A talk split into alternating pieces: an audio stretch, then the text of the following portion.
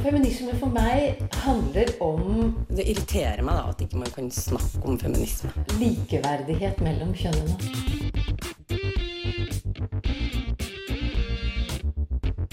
Det blikket på kvinnen på film. handlet det om å bli tatt på alvor som jente. Du hører på Et eget rom på Radio Nova. Det er uklart hvorvidt Even og Isak er like sant lenger, men det er i hvert fall klart at Isak har kommet ut av skapet til både gutta, mor Eskil og far. Og vi vier dagens sending til nettopp åpninga av skapet og får besøk fra Fri og Skeiv Ungdom.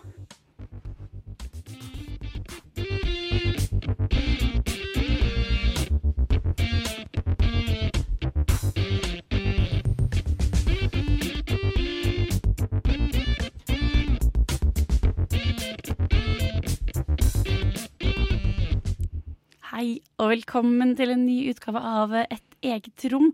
Du hører på Radio Novas feministiske radioprogram, og med deg den neste timen skal jeg være Eline Hystad. Og også du, Linda Therese Rosenberg. Ja, Og jeg gleder meg ganske mye. Gjør du det? Eh, Det gjør jeg hver gang, fordi jeg lærer så mye nytt bare ved å, å være her og snakke. Men dette med å komme ut av skapet, det er jo noe jeg aldri vil kunne kjenne på kroppen. Nei. Som heterofil kvinne. Nei, jeg har heller ikke eh, kommet ut av noe skap. eh, Jeg tror ikke jeg kommer til å gjøre det heller. Men eh, Og jeg vet ikke helt, det er alltid liksom vanskelig er det Betyr det at man Altså, det betyr jo at man aldri helt kan forstå, Ja. egentlig. Men det er jo desto mer interessant og spennende å likevel høre hva de som har gjennomgått den prosessen, hva de mener og tenker og føler.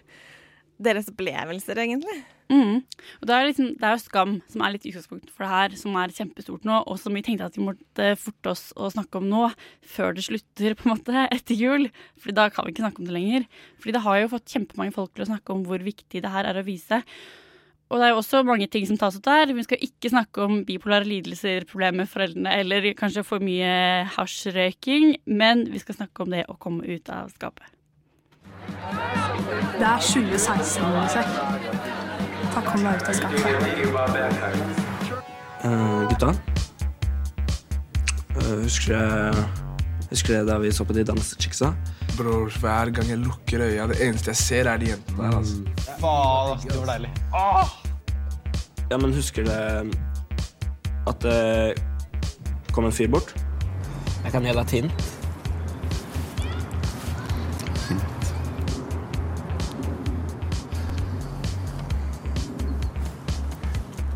Jente. Um, Eskil? Ja? Jeg kan jo si det at uh, det er um, Det er på en måte en uh, greie mellom jeg og meg. Vi får etter hvert besøk fra Fri Oslo Akershus, som skal hjelpe oss litt med det her konseptet eller begrepet eller greia med å komme ut av skapet. Men før det så er det vel få ting som er så passende som å starte hele sendinga med en ut av skapet-historie. For Lisa Aasbø i redaksjonen vår hun inviterte med seg Birk Johan Løfste Jensen, en kompis fra videregående, for å prate om hvordan det var å komme ut av skapet for han. Homofilt eh, par i hovedrollen, liksom. Eneste serien som jeg kommer på, som jeg har sett, er liksom 'Tørk aldri tårer uten hansker', hvor Ja. de dør av aids, Ja, liksom. sant. Det er jo kanskje Sykt kult, liksom. det er, den, det er ikke den som får deg ut av skapet med det første, liksom. Men eh, ja. Hvem er favorittgutten din av alle de guttene? Altså i guttegjengen, eller liksom i den sesongen. Mm, hvem er den fineste gutten? Even. Han er den fineste. Han og Jonas. Men sånn når det kommer til å komme ut og sånn, sånn som det foregikk da, eh, så var det jo i tiende klasse så kom jeg ut til bestevenninna mi, Mm. og så Hun har liksom alltid forsvart meg, da, for jeg har jo blitt kalt homo mange år før jeg kom ut. Hun ble liksom litt sjokka. Litt for grunn av hun har forsvart meg for noe som på en måte har vært en løgn, i anførselstegn. Ja, sånn, ja, nei, han er, han er ikke Ja. det. Slutt å si det. Ja, for jeg ble jo såra av det. Ja, ikke sant. Eh, Det var en positiv reaksjon, men det var på en måte blanda for hun, men det forsto jeg da. Ja. Eh, Men etter det så var liksom hun Nå må du fortelle det til flere. Grunnen til at jeg sa det til hun var jo på grunn av Som sikkert mange som kommer ut av skapet, kjenner seg igjen i at man på en måte har en deadline hele tiden. Så man sier OK, neste sommer, hvis det er langt perspektiv, da skal jeg komme ut til Norge i hvert fall. Ja. Eller liksom til en venn eller familie. Og det hadde jeg. Og jeg hadde jo utsatt den mange ganger, men så kom jeg liksom OK, som, nå er det snart sommerferie, nå skal vi bytte til videregående, da sier jeg det til hun. Um, og så videre. Derifra så gikk det nokså fort, for når man først har sagt det én gang, så er det ikke like forferdelig å si det neste gang, liksom. Det Du må bare gangen. sprekke den bobla, Ja. liksom. Men du kom ut som bifil først.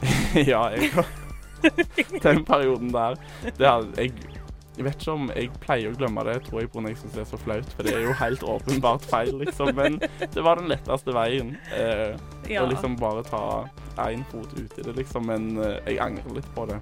Hvorfor det? Av det var Det var ikke sant. Det var jo en løgn, på en måte. Det var jo en regelrett løgn. Jeg var jo ikke interessert i jenter, så hvorfor jeg, Jeg er jo homofil og ikke bifil, men eh, det hadde jeg glemt. Takk for at du minte meg på det òg igjen. Det skjer sånn en gang i halvåret.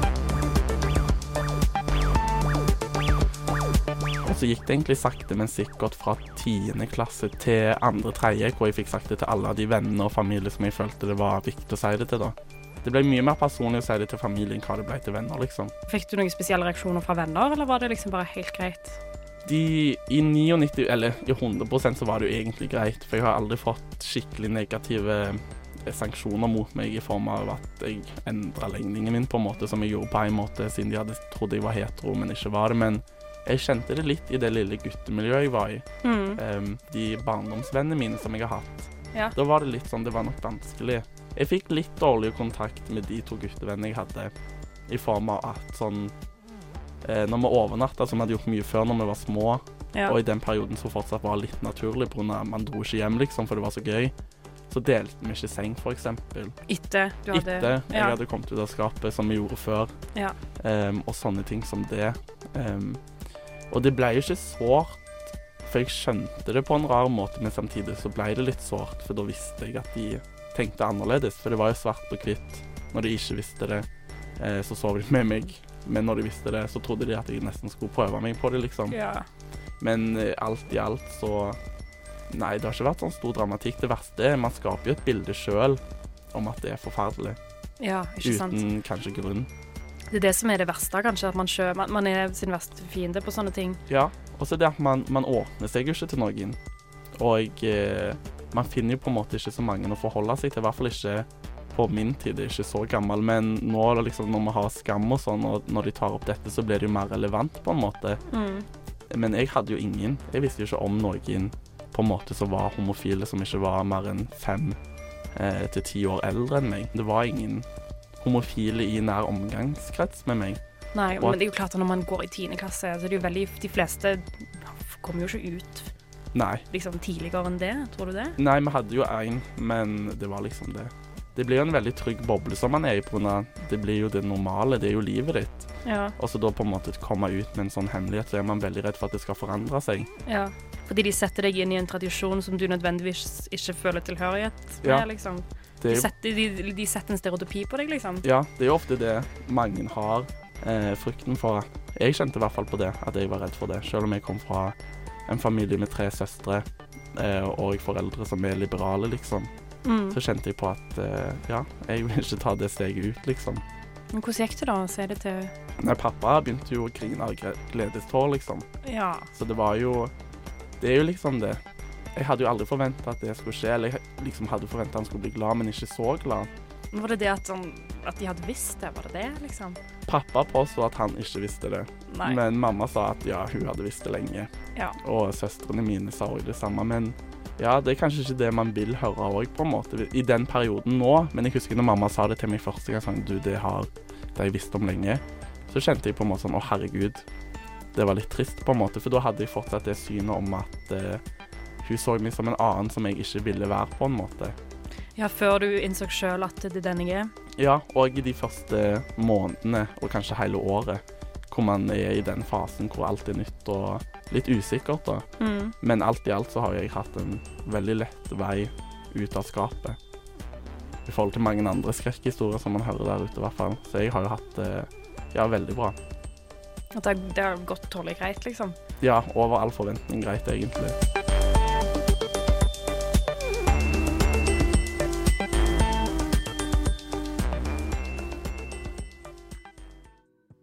Til Lisa Aasbø og Birke Johan Løfsted Gensen for en Veldig fin historie. Vi skal fortsette å snakke om å komme ut av skapet, men før det så skal du få høre Andreas Doif og låta 'Renew You'.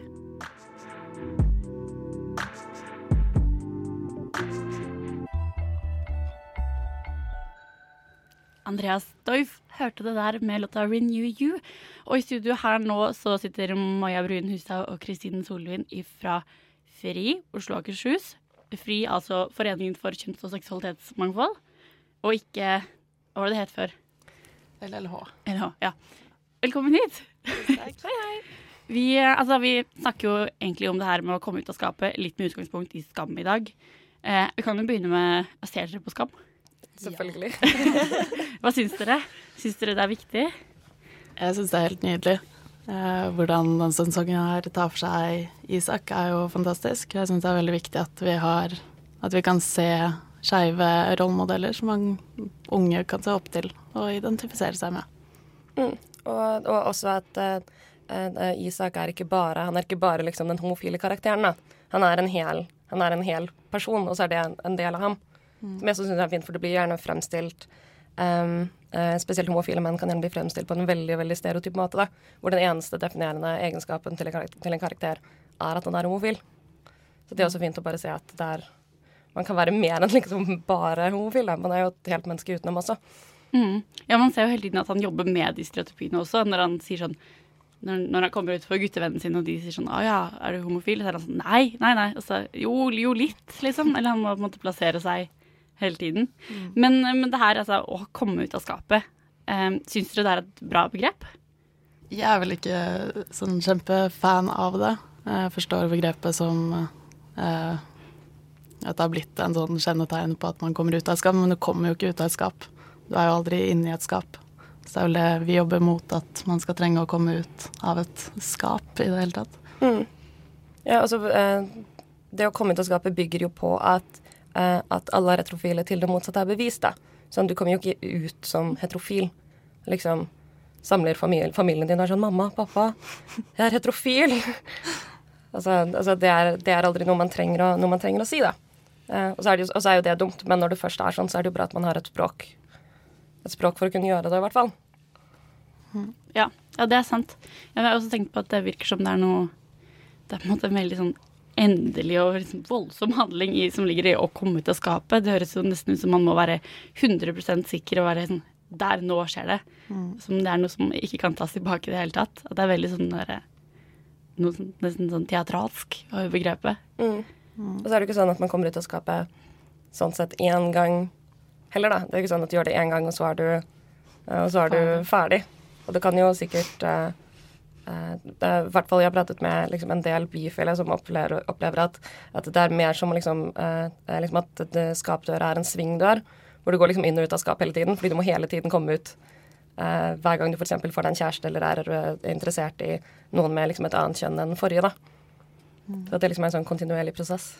Ja, ja fordi det er kanskje sånn at Jeg vet ikke om dere er enige, men jeg tenkte kanskje at det, det man snakker om som å komme ut av skapet, er første gang når man skjønner det selv. Nesten mer enn eh, Mer enn første gang man sier det til noen andre. Fordi man må jo hele tiden snakke om det etterpå også. Ja. Um, jeg tror begrepet i seg selv tenker jeg på mer som når du faktisk sier det til noen. Men uh, det er jo veldig sant. Om man går gjennom faser i livet der, sånn som du sier med bifile, da. Veldig mange tar jo på en måte den først. Og det handler jo ikke nødvendigvis om eh, at du er 100% sikker på det, men at det er noe annerledes og du trenger å få uttrykk for det.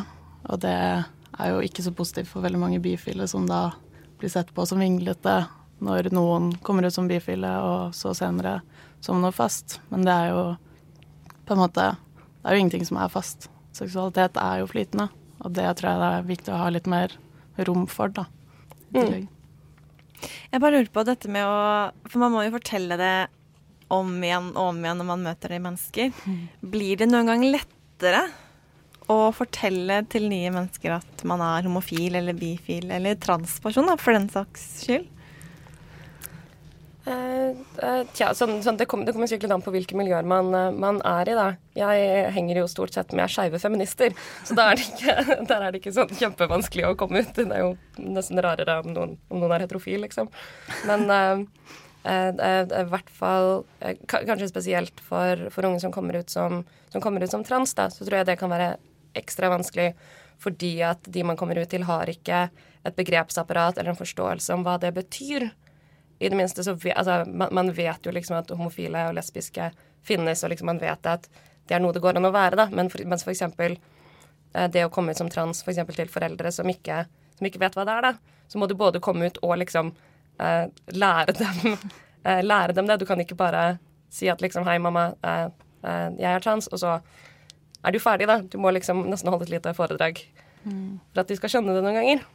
Og det kan jo sikkert være ekstra vanskelig at man må at man må forklare seg på en helt annen måte, da.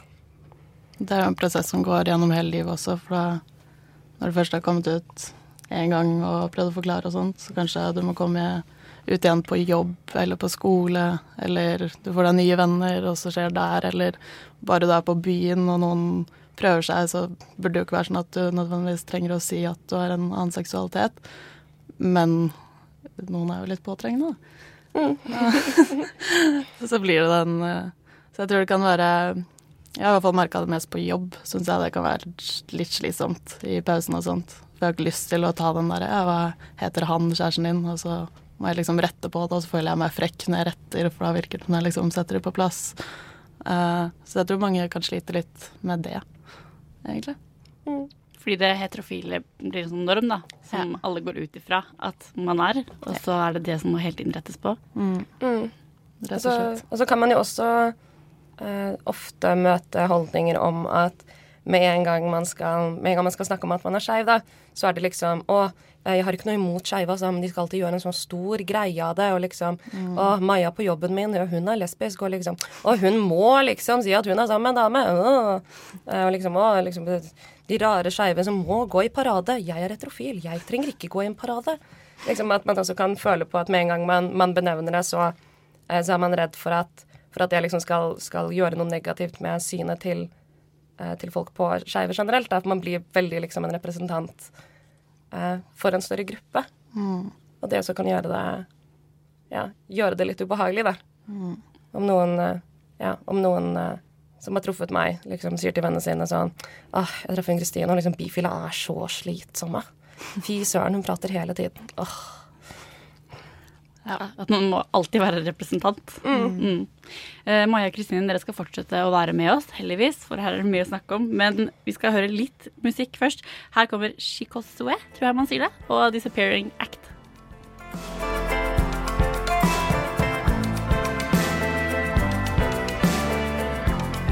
Shikosue og Disappearing Act hørte du der. Vi har fortsatt besøk her i et eget rom av Maja Brun Hustad og Kristine Solvin fra Fri Oslo Akershus. Og snakker om å komme ut av skapet. Um, og i, skam, i den ene Skam-episoden så sier hun Emma til Isak at uh, Hva er det hun sier igjen? Et eller annet sånt Det er 2016, Isak. Du må komme ut av skapet. Er det, tror du det er lettere i 2016? På noen måter så tror jeg det kan være enklere. Jeg tror også det kommer til å bli enklere nå etter Skam og etter vi får uh, inn flere skeive karakterer uh, i TV og film. Um, men på mange måter så tror jeg det er en indre prosess som alltid kommer til å være litt vrien. Uh, og det er veldig avhengig av hva slags familie du har, og hvordan de prater om det, og hvordan omgangskretsen din prater om det. Um, så jeg tror det er mindre farlig nå, med tanke på vold og ting man kan oppleve uh, hvis man kommer ut, sånn, altså, sånn som det var før. da. Det er i hvert fall ikke ulovlig å være homofil. Nei. Hurra! Uh, det er ikke straffbart lenger. Så det er jo ja, det er jo et veldig godt poeng. Eh, og det er jo mer normalisert, og flere er jo åpne for det. Men jeg tror fortsatt alle går gjennom den indre prosessen, som kan være ganske vanskelig når du er ungdom. Mm. Mm. Kanskje, kanskje også spesielt når man er, uh, man er ungdom eh, på bygda, da. Mm. Hvor altså, altså, skoler er i seg selv gjerne liksom bitte små samfunn. Altså hvis man da er i et bitte lite samfunn i et lite samfunn fra før av, så kan det være vanskelig å finne f.eks. andre å prate med, eller andre å kjenne seg igjen i. eh, eller møteplasser. Mm. sånne ting, da, som jeg tror kan gjøre det vanskelig. Men heldigvis har vi internett. Det tror jeg, det tror jeg hjelper veldig mye. At man kan google og finne forum og eh, i hvert fall eksponere seg selv for det eh, hvis man ønsker, da. Og hvis man er nysgjerrig og sånn. Mm. Det tror jeg er bra. Altså for å liksom eh, for, å, for å få et vokabular eh, for å snakke om hvordan man identifiserer seg selv, da. Og det er jo, det er jo vanskelig å komme ut, eh, hva skal jeg si, å komme ut som f.eks. bifil hvis du ikke vet at det går an å være bifil. Hvis du ikke har noe konsept om, om det, da. Mm. Så det tror jeg i hvert fall er fint. At man har fått, fått mer sånn At mangfoldet er blitt større men både internett og, og mer portrettering i f.eks. film og TV-serier. da. Mm. Det er lettere å finne en plass i det. Mm. Det tror jeg. Mm. Definitivt. Samtidig blir, blir det jo da et problem liksom, hvordan, hvordan den eh, fremstillingen eh, er, da. Eh, det kan jo f.eks. være eh, i mange eh, i mange filmer eh, om skeive så ender det liksom alltid i tragedie, og alt er bare vondt og trist. Mm. Og når man først skal snakke om å være skeiv, så er det veldig, of veldig ofte i eh, liksom med liksom at det er et problem som et overordnet narrativ, da. Eh, og ikke, ikke at liksom at det kan gå bra. Eh, og det kan jo også, Man skal selvfølgelig ta opp, eh, ta opp ting som er problematisk, men ja, det er jo veldig skummelt å komme ut hvis det, eneste du har fått med deg, er folk som har blitt liksom kastet ut hjemmefra og lynsjet av foreldrene sine, eller sånne ting. Det, det er jo noe med å, med å Men her er det jo veldig forskjellig fra land til land. Og Norge som er lagt med liberalt til veldig mange andre steder. Kan det at man kanskje sitter på internett også føre til at det blir litt skumlere å komme ut? For man ser hvordan det er andre steder og tenker at kanskje det er litt sånn i Norge også? Det kan nok godt hende, ja. Um, ja. Så Norge bør kanskje være enda mer på. Vi må ha mer eh, skammelaktige greier med Vi må ha flere Isak, rett og slett. Ja. Ja. Vi trenger flere Isaker. Mm. Helt klart. Og Eskil. Eskil.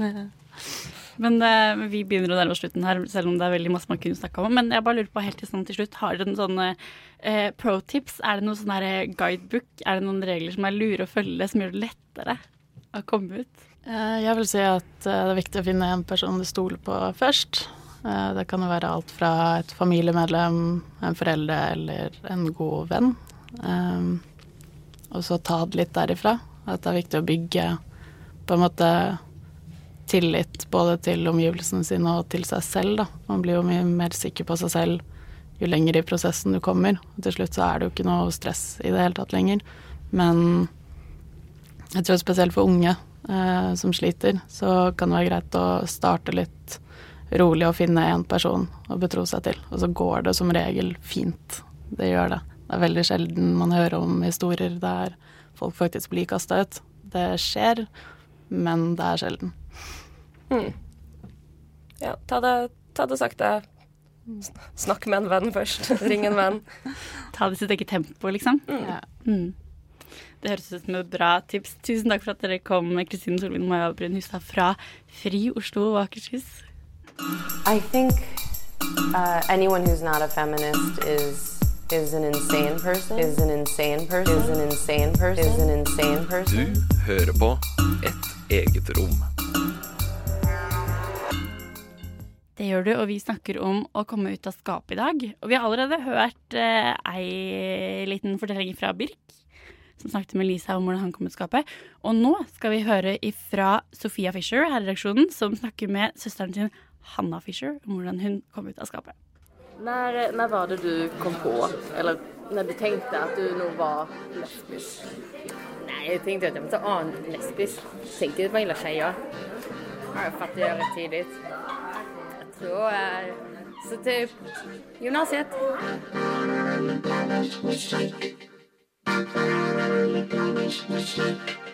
Men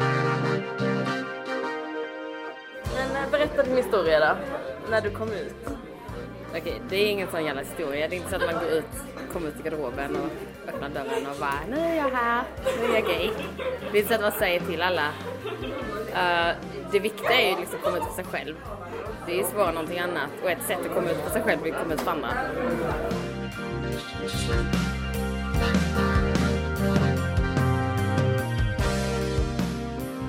jag kom på att nu måste jag säga pappa liksom. Nå måste jeg liksom få göra det. Så eh, ja, jag får hem och så bara, jag blir jätteemotional, alltså. Så jag grät mycket. Och så sa pappa, är det okej? Och sen så, det var när jag mötte honom då. Och så han bara kom och sa bara, I knew that. Ikke bullshit. oh, jag visste hela tiden. Och jeg bare sa du inget? jeg tror jeg sa det. Jeg tror jeg sa, why didn't you say so? Why didn't you tell me? You've been holding this secret all the time. og sen så kom jeg til mamma og da Og da sa jeg liksom, ah, möter Ronny var Jeg träffade en, sa jeg til jag träffade en tjej. Hun bara, ja, det er bra. Det var ja, det så var det lite mer om en gemensam nodd och liksom hon bara, nej men det är jättebra, sa hon. Ja, vad kul dig. Ja, är du gillar sånt? Och jag bare, nej jag vet inte, jag bara dejtar en tjej. För det var ju det jag bara gjorde. För så var det i början. Det var inte så att jag sa till alla att jag är lesbisk. Utan det var ju så att, nej men nu träffar jag en tjej. Och det är jättebra. Och alla var jätteglada för jag har aldrig träffat någon innan.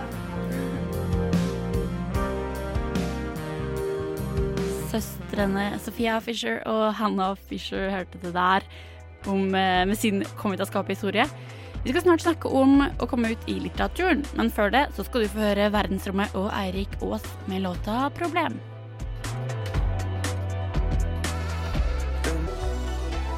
Verdensrommet og eh, Eirik Aas hører deg med låta 'Problem', men vi i Teknologi snakker om noe som forhåpentligvis egentlig ikke er et så veldig stort problem, nemlig å komme ut av skapet. Det er ikke bare bare det heller, har har vi fått inntrykk av. Steffen, du er fra Skeiv Ungdom. Og dere liker å lage noen lister og er litt oppdatert på skeive i litteraturen, egentlig. Ja, de siste en liten, For ikke så veldig lenge siden så lagde vi en liste over skeiv litteratur. For vi mener at spesielt den norske litteraturen orienterer seg veldig mye om å komme ut av skapet. Og vi er jo ganske kritiske til at man skal komme ut av skapet. Vi mener at man skal At alle må få lov til å være hvem de er. Og at man må slutte å ta for gitt at, eller å, tro at alle er heterofile før liksom noen har sagt det motsatte, da.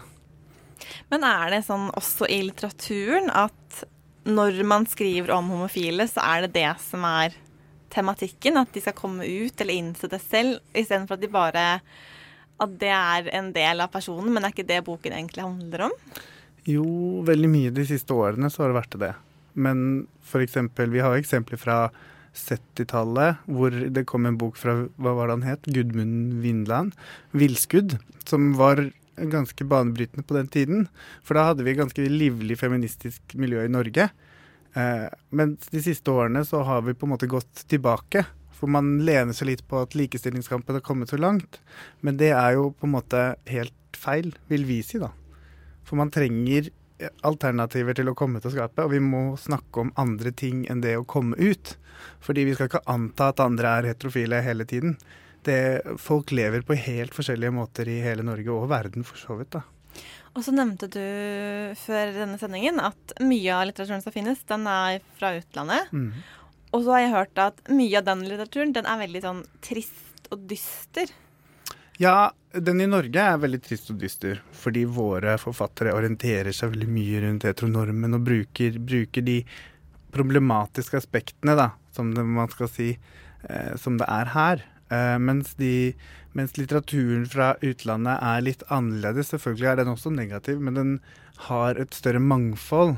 For eksempel så kom det ut fire transbøker fra de store eh, engelske og amerikanske forlagene. Mens vi har liksom hatt én i Norge eh, de siste årene. Og det er ganske Jeg syns det er litt dumt, da. At ikke de norske orienterer seg bedre. Jeg syns egentlig det er litt overraskende også, fordi det er jo en, en eh, tendens i norsk litteratur, vil jeg påstå, at uh, altså de er veldig glad i disse bøkene som, uh, som, er lette å skrive en historie om i media. Mm. Sånn type 'jente med spiseforstyrrelser', ikke det at det ikke er viktig, men, men de er veldig glad i de historiene.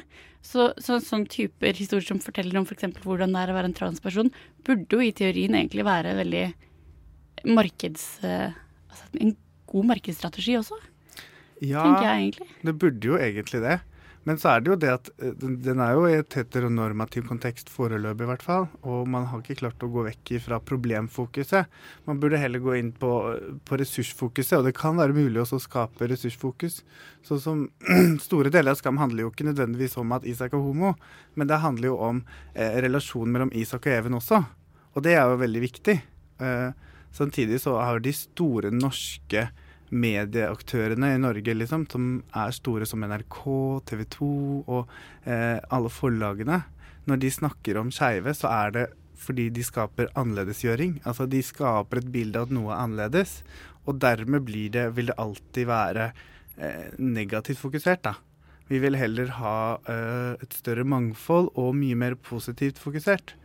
At, eh, og, og, kanskje bedre representere det som faktisk leves. Fordi det er veldig mange som lever på utkanten av heteronormen. Så dere tenker egentlig at litteraturen om skeive speiler egentlig ikke virkeligheten på noen god måte? Ja, det er helt riktig. Akkurat det vi tenker. Og dermed får vi jo problemer når man leser litteratur, for alle vil jo lese bøker som er interessante. Men eh, da må man jo også skape eh, interessant litteratur som også representerer mangfoldet i befolkningen og i verden. Men denne, dette problemfokuset, er det også med på å lage litt sånne stereotypier om homofile mennesker? Eller er det større mangfold i personligheten til menneskene, selv om det er problemfokuset som er sentralt? Det er problemfokuset som er sentralt, og det blir jo, blir jo, på en måte en underbygging av alle stereotypier og generaliseringer. Så det er jo ikke noe gøy. Vi leser jo Vi ser jo sakene som blir gjort, og f.eks. den der 'Komme ut av skapet'-serien til NRK. Den er jo ikke så veldig Altså, den, den, på en måte tar utgangspunkt i at man liksom kommer ut én gang, og så er det greit. Men det er jo ikke sånn det fungerer. Og vi er jo kritiske til at det skal være sånn. Vi vil jo at man skal slippe å komme ut. Vi skal fortsette å besøke deg, Steffen, og snakke mm. om eh, det skeive i litteraturen og hvordan det kanskje kan gjøres på en bra måte. Men først så skal vi høre Telefrobe og Dear Aphrodite.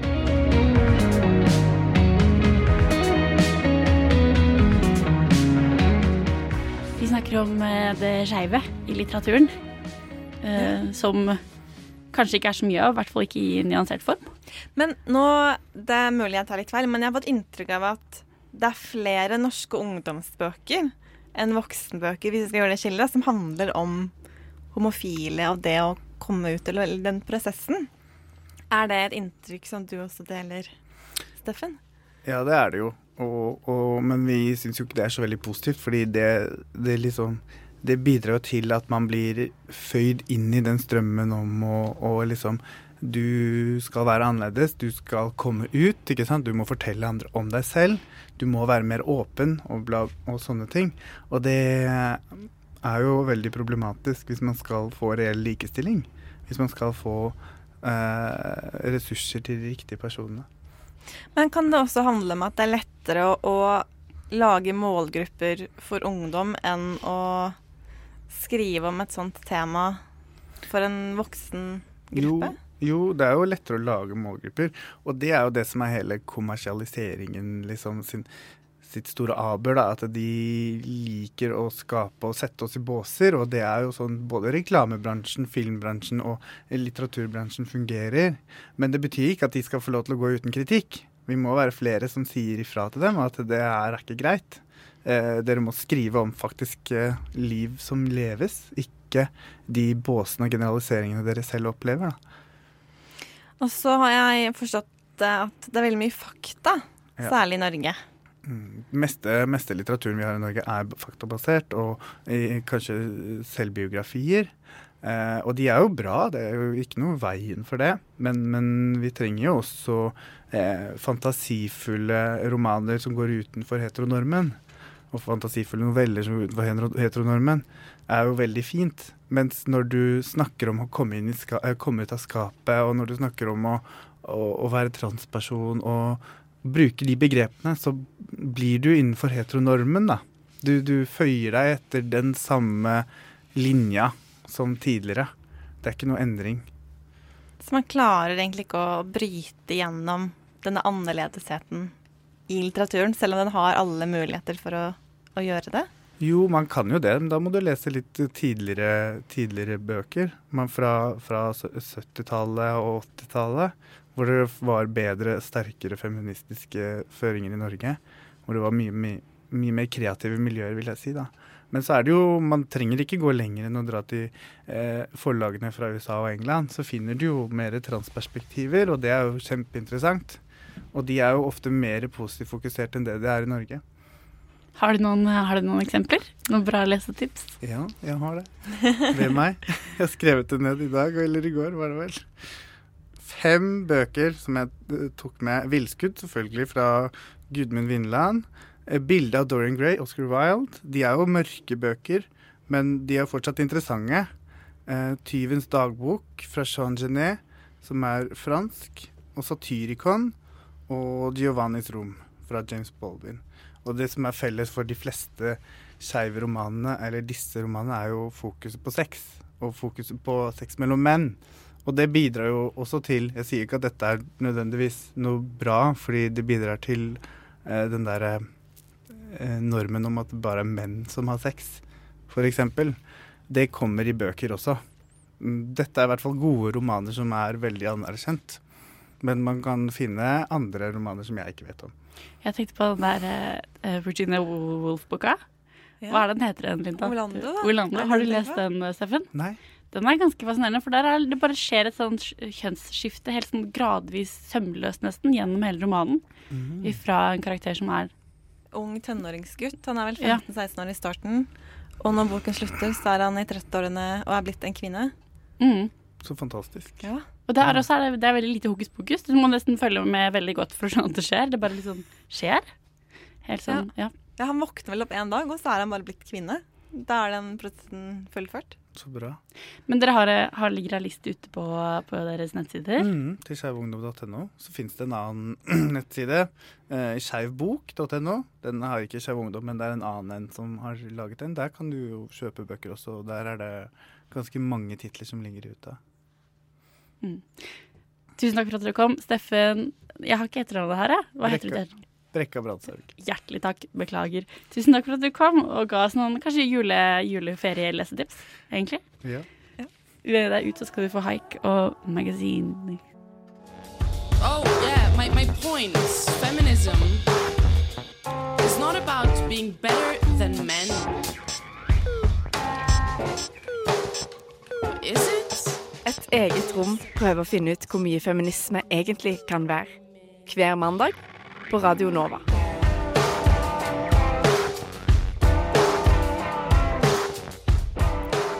Et eh, eget rom går mot slutten, og vi skal snart gi studio over til A-lista her på Radio Nova. Men vi er selvfølgelig tilbake neste uke, og da skal vi ha litt en juleavslutning og oppsummere feministåret 2016. Ja, det var en liten oppsummering, kan vi presisere det? Ja. Det har skjedd veldig mye på et år, men okay, vi tar litt eh, sånn liten høydepunktene. oppsummering. Det vi likte best Ja. i 2016. Så forhåpentligvis blir det litt sånn gløgg og pepperkakestemning og litt sånn kos. Eh, husk å følge oss på Zoom og abonnere i iTunes og sånt. Og tusen takk til Sofia Fischer, Lisa Aasbø og alle de som har fortalt historien sin i dag, og som har bidratt. Takk til tekniker Johannes Ragnemo, og takk til deg, Lina Therese Rosenberg.